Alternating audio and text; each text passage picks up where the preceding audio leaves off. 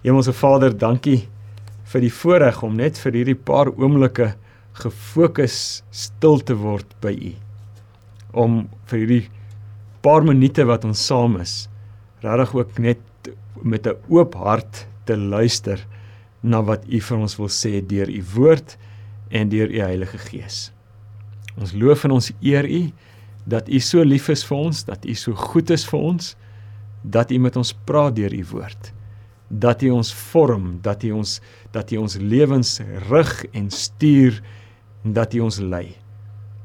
En kom Here vandag en kom help vir ons vanuit U woord om 'n beter perspektief te kry op wie ons is oor U kerk, oor ons roeping en oor die wêreld waarin ons leef. Kom praat asseblief met ons in Jesus se naam. Amen. Hierdie naweek by Kerk sonder mure is 'n feesnaweek. Ons het Vrydag het ons 'n heerlike gemeente saam kuier fees gevier. En vandag is 'n feessondag.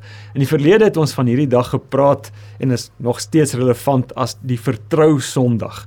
En dis 'n geleentheid waarin ons net so 'n bietjie amper voorraad opname maak en vir mekaar sê daar's 'n taak wat volvoer moet word. Kom ons vertrou die Here vir ons rol in hierdie taak En kom ons stap saam om hierdie taak, hierdie roeping wat die Here vir kerksnormure gegee het, om hierdie taak te voltooi en voort te gaan daarmee. So ons is met hierdie vertrou Sondag en ek het gekies om vanuit 3 Johannes uh, 'n boodskap te lewer of 'n boodskap te bring vandag. En uh, die om dit te doen gaan ek vers vir vers lees deur 3 Johannes en ons begin by vers 1. Daar staan hierdie woorde. Daar staan van die oudste. Nou hier is Johannes wat van homself praat. Johannes dieselfde een wat die evangelie van Johannes geskryf het, wat die eerste, die tweede brief van Johannes geskryf het, hierdie derde brief en is ook dieselfde Johannes wat Openbaring geskryf het. En as hy sê die oudste, dan sou mense dit ook kon vertaal met die ouderling. Maar Johannes was letterlik op hierdie stadium lees ek, was hy regtig oud, in die in die 90's gewees. En dit verklaar dalk hoekom hierdie ook sy kortste brief is, die kortste brief wat Johannes geskryf het. En dan sê hy hierdie belangrike ding en dit is so mooi. Hoor hoor hoe mooi is dit. Hy sê aan Gaius, my vriend wat ek waarlik liefhet. Nou ons is nie doodseker wie hierdie Gaius is aan wie Johannes hierdie brief skryf nie. Want Gaius was in hierdie tyd regtig een van die mees algemene name gewees. Dit was amper soos Johan vandag. As jy net na my selfoon gaan kyk, daar's hordes Johanne wat daar is en dit sou in daardie tyd sou wees. Jy sou Gaius van Pergamum gehad het, Gaius van hier, Gaius van daar. So 'n uh, 'n baie algemene naam, so ons weet nie mooi wie hy was nie. Maar die belangrike is dit wat Johannes vir hom sê. Hy sê jy's my vriend en hy sê ek het jou waarlik lief. En jy sal nou sien ek gaan vandag kort kort na die Grieks verwys, na die meer letterlike vertaling verwys. So as jy hierdie gewoorde waarlik lief meer letterlik sou vertaal, dan staan daar eintlik Gaius my vriend wat ek liefhet in die waarheid. En hier is 'n sleutel. Dit gaan daaroor dat dat die waarheid is die evangelie. Dit gaan dis dis die verhaal oor Jesus. En is hier waar waar Gaius en uh, en Johannes mekaar gevind het rondom die waarheid, rondom die storie van Jesus, rondom wie Jesus is en wat hy gedoen het. Dis die gemeenskaplikheid wat hulle het. Daar's 'n baie mooi Afrikaanse uitdrukking wat sê bloed is dikker as water. En dis iets wat wat wat waar wat ons hier raak lees dat bloed letterlik dikker is as water. Want dit gaan hier oor dit wat Jesus gedoen het. Dat Jesus sê Efesiërs 1 vir ons, Efesiërs 2 vir ons, Jesus het aan die kruis gesterf. Sy bloed het gevloei sodat mense wat radikaal van mekaar verskil, so radikaal soos Jood en Griek en slaaf en vry, sodat sulke mense een kan wees. So deur sy bloed kom maak Jesus vreemdelinge. Mense wat radikaal van mekaar verskil, kom maak hy bloedfamilie. Sy bloedfamilie. En dis waarom waarom Johannes hier vir Gaius kan sê en daar's niks weer daarin as hy sê ek het jou lief, uh, ek het jou lief in die waarheid. Die waarheid wat die evangelie van Jesus is. En ek dink jy dalk ook al daarvan iets beleef hoe jy iemand ontmoet en jy kom agter op 'n stadium in die gesprek, hierdie persoon is 'n volgeling van Jesus en onmiddellik is daar 'n band wat dieper loop as as selfs biologiese bande. want ons is bloedfamilie in Jesus. Gaius my vriend, ek het jou lief in die waarheid. Dan gaan Johannes verder aan in vers 2 sê hy: Liewe Gaius, ek hoop dat jy gesond is en dat dit in alle opsigte so goed gaan met jou as wat dit geestelik met jou gaan. Liewe Gaius, ek hoop dat jy so gesond is en dat dit in alle opsigte so goed met jou gaan as wat dit met jou gaan met jou verhouding met Jesus. Dis 'n dis dis 'n belangrike ding hierdie om om raak te sien dat as as as Johannes hierdie woorde vir Gaius sê, dan is hy nie besig om vir Gaius 'n belofte te gee nie. Hy is nie besig om hier 'n voorspoedsteologie te verkondig dat as dit goed gaan met jou verhouding met Jesus, dan sal dit met jou gesondheid en met jou finansies en met al die ander goederes in jou lewe goed gaan nie.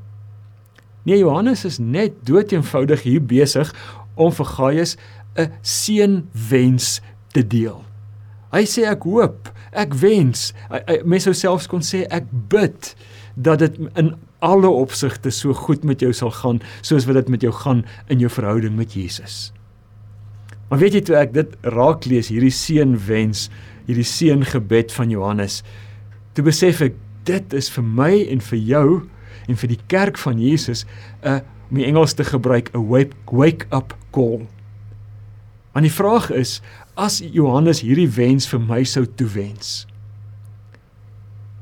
en sy wens vir my word waar, wat sal met my gebeur? Daar's dalk 'n kans dat ek myself sal bevind in die intensiewe sorgeenheid van Unitas Hospitaal. As dit met my gesondheid so goed moet gaan soos met my verhouding met Jesus. Of dalk erger.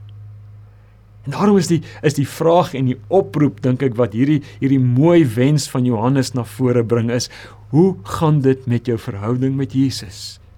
Belê jy in jou belê jy deur tyd en energie en krag in hierdie verhouding met Jesus sodat dit regtig sodat dit amper sodat Johannes se wens hier nie vir jou 'n vloek word nie maar dat dit regtig 'n seënwens vir jou sal wees.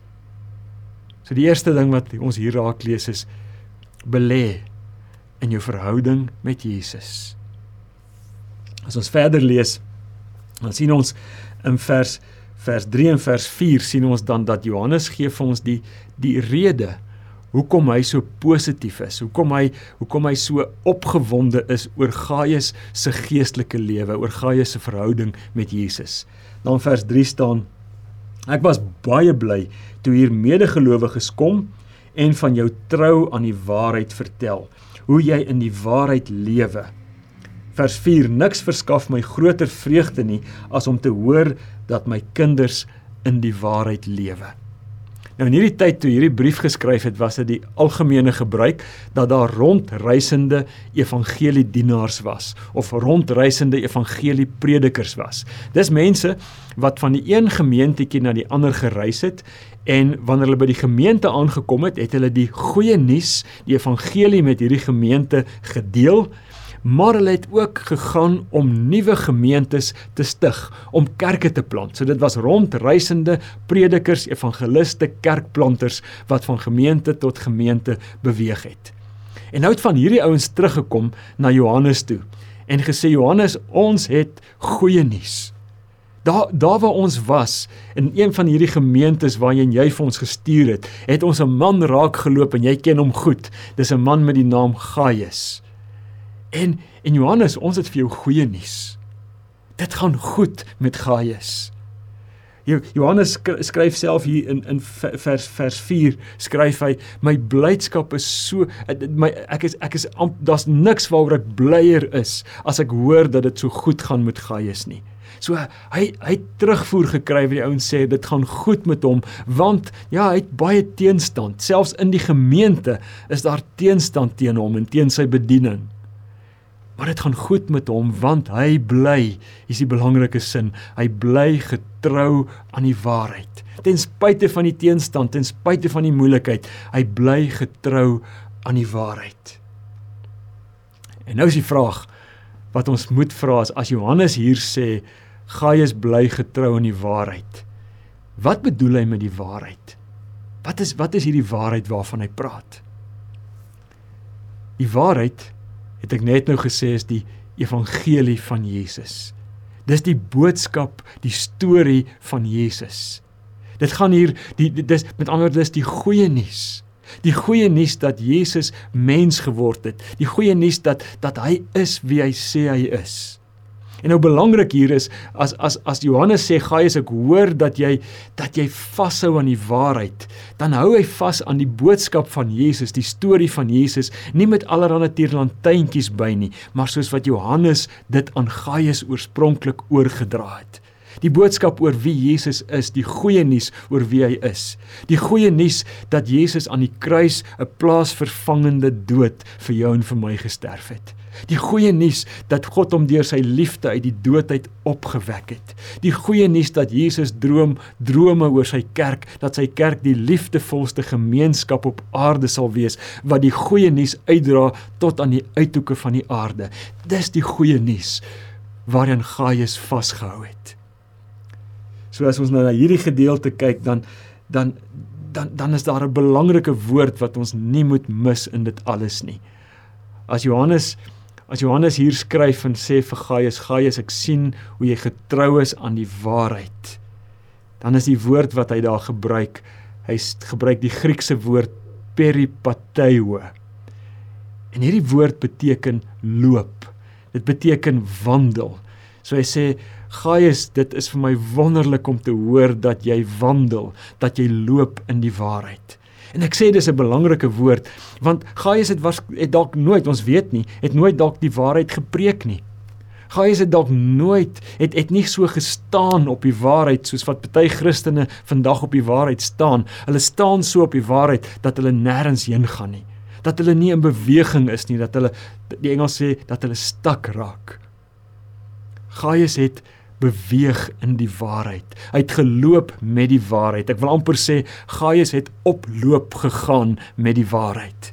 En dit beteken dood eenvoudig dat Gaius toegelaat het dat die storie van Jesus, wie Jesus is en wat Jesus gedoen het en wat Jesus gedroom het, hy het toegelaat dat daai storie nie net sy lewe beïnvloed nie, maar dat dit sy lewe bepaal het.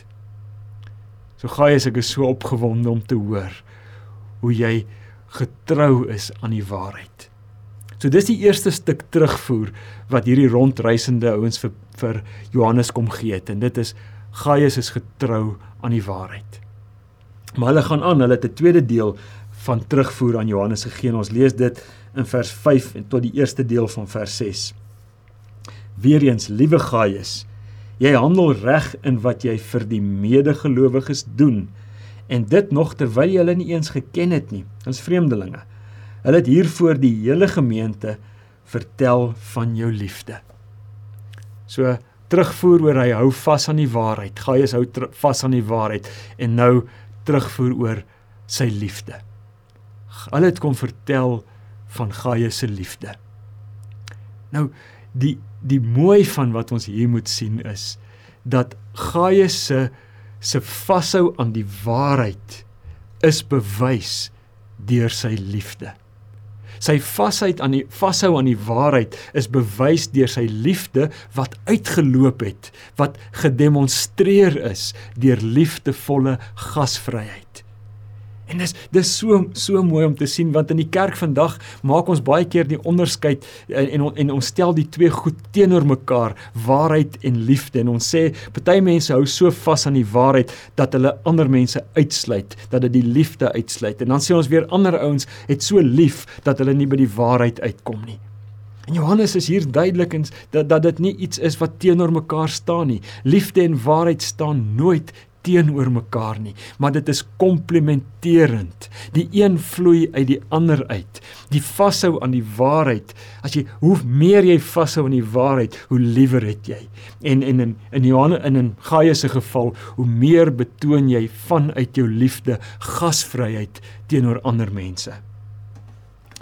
In die vroeë kerk was was gasvryheid en dan veral gasvryheid teenoor vreemdelinge een van die heel sterkste waardes. Dit was om die waarheid te sê een van die sterkste kenmerke van 'n ware geloofsgemeenskap, van 'n ware Jesus gemeenskap.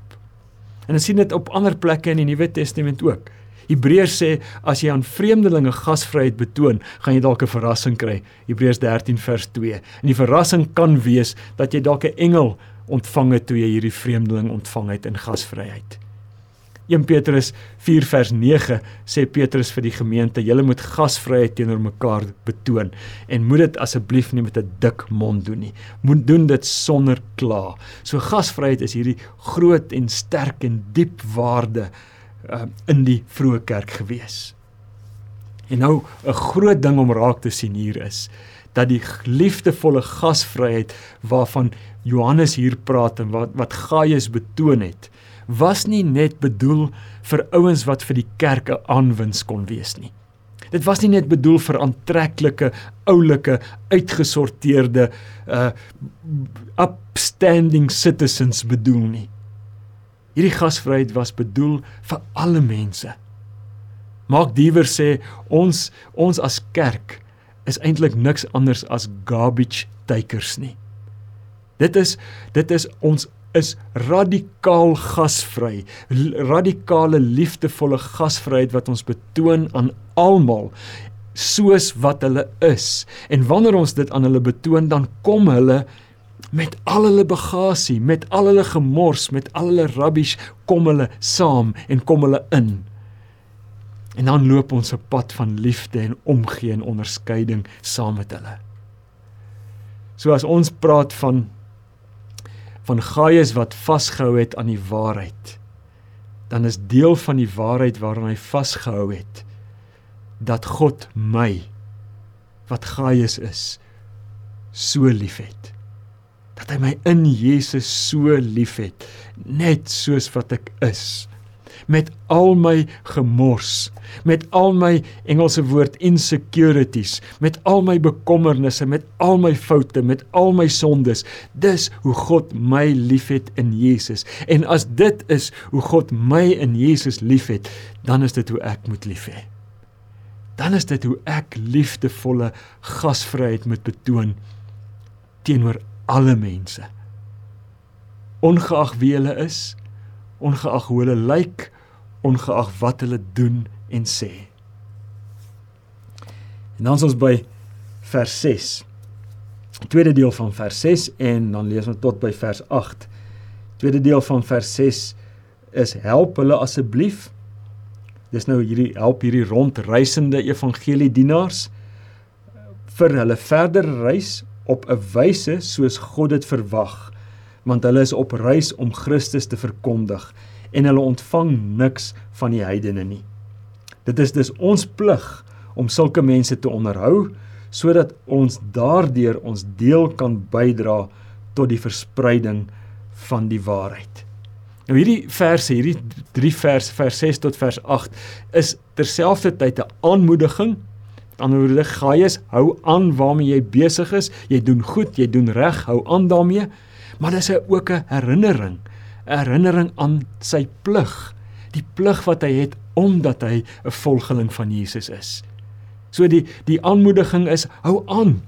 Hou aan daarmee om vir mense blyplek te gee vir hierdie rondreisende vreemdelinge. Hou aan om vir hulle blyplek te gee want daar was nie Airbnbs in daai dae gewees nie. So hou aan daarmee. Hou aan om vir hulle kos te gee en hou aan om hulle te ondersteun vir dit wat hulle doen deur materieel en deur finansiëel by te dra vir die taak wat hulle moet gaan doen. So hou aan daarmee. Maar dan sê Johannes vir Gaius 'n baie belangrike ding. Ons lees dit daar in vers 6 se einde. Hy sê doen dit soos op soos wat God dit van jou verwag.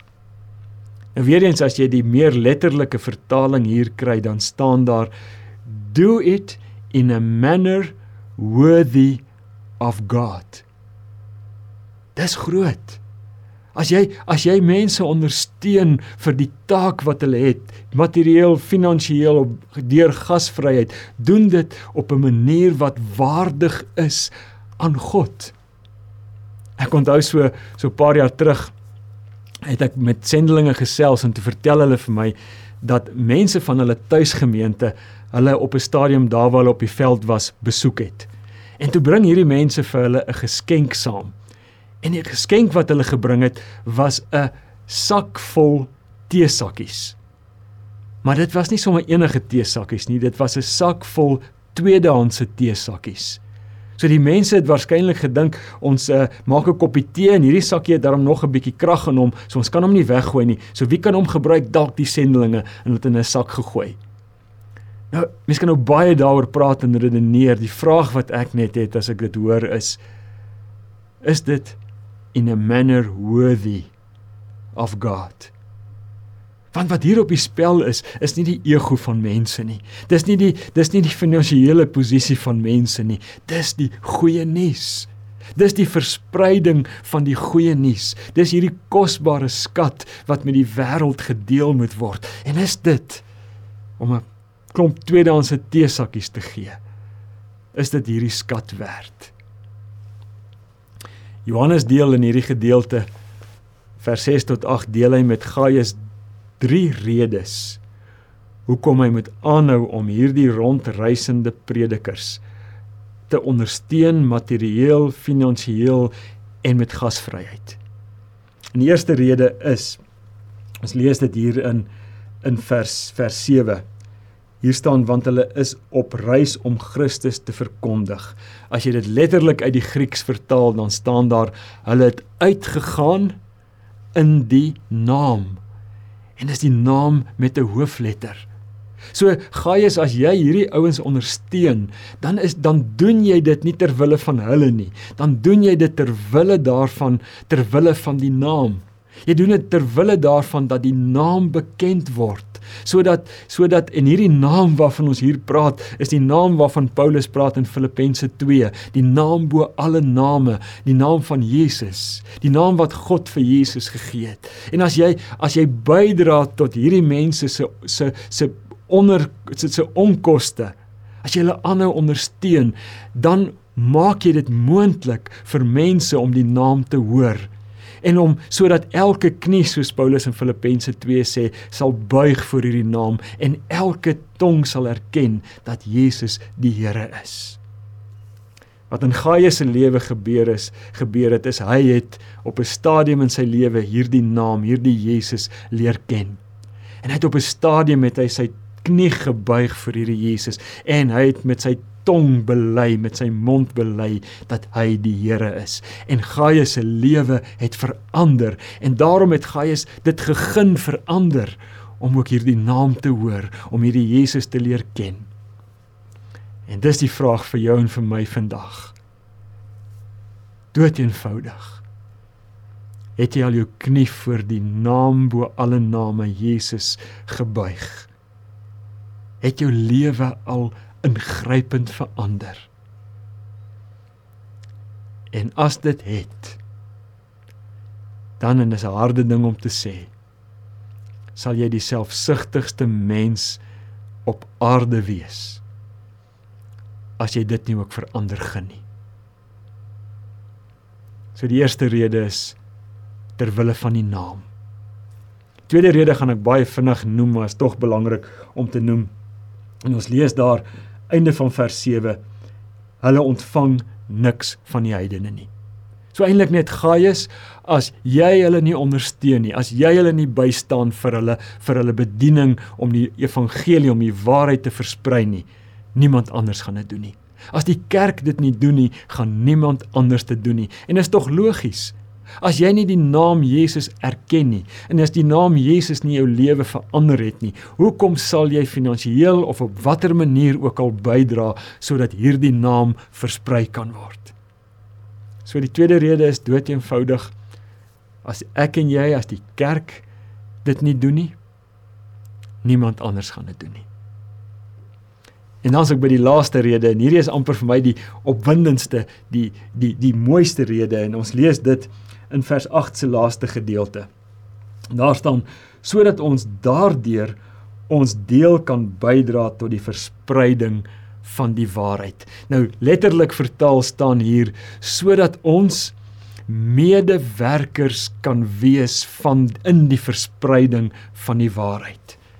So as as ek en jy betrokke is hierby, betrokke is by die ondersteuning van die uitdra van die waarheid, dan kry ons seker die mooiste titel wat daar is.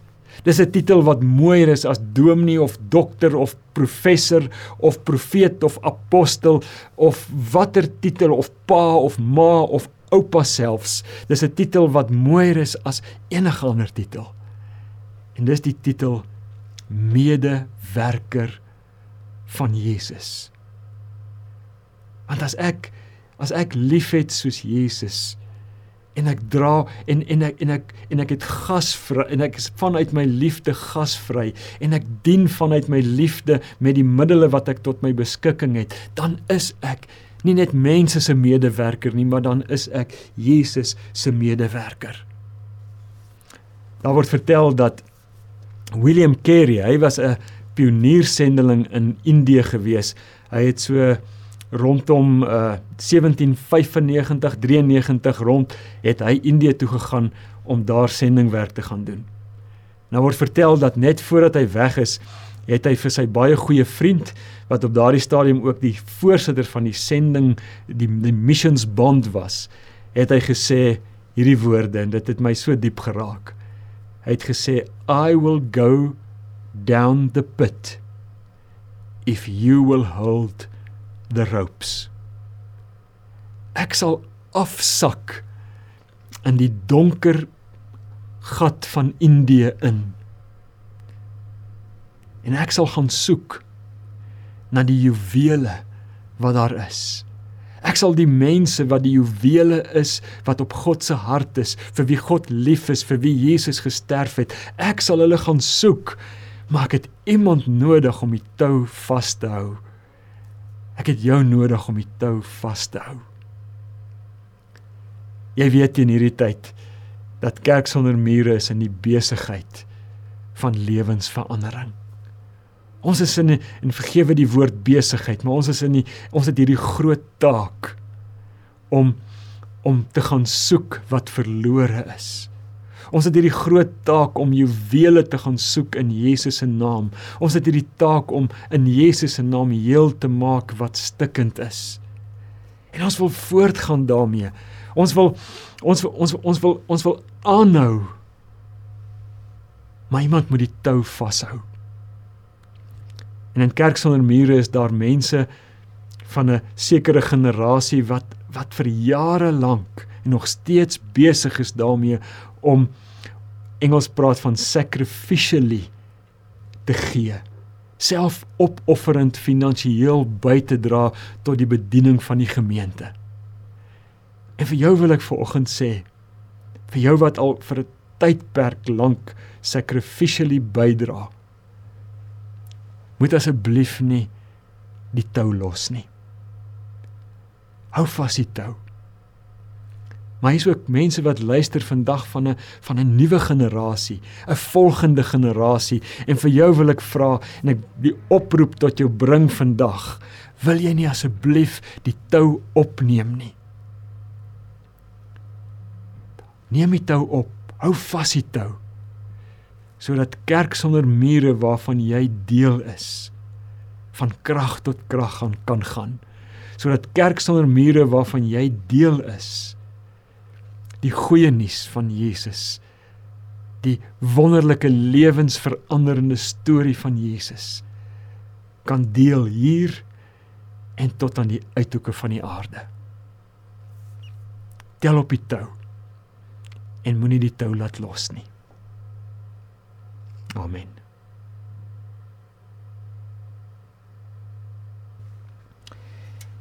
Hemelse Vader, Here Jesus, Heilige Gees, dankie dat U met U kerk op pad is. Dat U ook met kerk sonder mure op pad is. En dankie dat U met elkeen van ons wat bely dat Jesus die Here is, dat U met elkeen van ons op pad is. Dankie Here Jesus dat U ons lewens verander het. Dankie dat U ons lewens nuut maak. En dankie dat U dat U ons liefhet. Liefgehad het en elke dag liefhet al ken U ons deur en deur soos wat ons is. En dan Here, dankie dat ons die voorreg het om medewerkers van U te mag wees, Here Jesus. Dat ons kan 'n aandeel hê daarin dat die goeie nuus, die waarheid oor Jesus, sy verlossing, sy dood, opstanding, nuwe lewe, sy droom vir sy kerk, sy droom vir sy wêreld. Dankie dat ons 'n aandeel kan hê daarin. Dat ons medewerkers van U kan wees, Here Jesus. Kom maak ons getrou en kom maak ons gehoorsaam. In U naam, Here Jesus. Amen.